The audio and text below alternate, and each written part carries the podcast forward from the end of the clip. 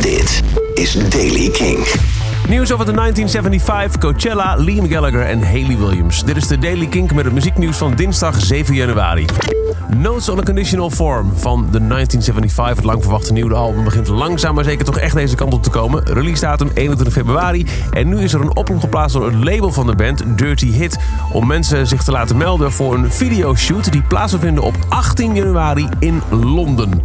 Je moet dan dus wel daar kunnen zijn en onderdeel zijn van een setje. Maar er komt dus binnenkort een clip, zo lijkt het, van de 1975. Coachella viert dit jaar de 20ste verjaardag. En dat wordt gevierd met een documentaire die gratis te zien zal zijn op YouTube op 31 maart. Coachella 20 Years in the Desert.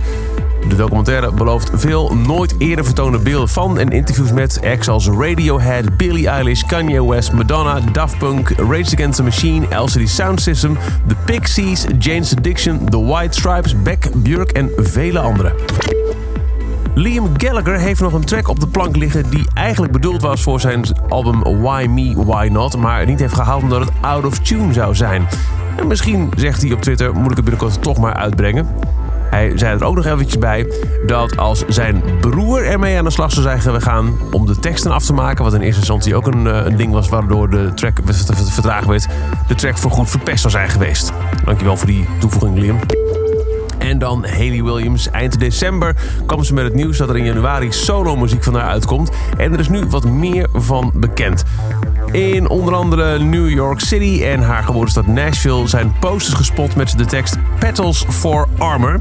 En ook een site erbij, pedalsforarmor.com. En als je daar naartoe gaat, dan krijg je een gif te zien en te horen. Waarop je Haley eh, hoort hijgen terwijl je naar een bos kijkt.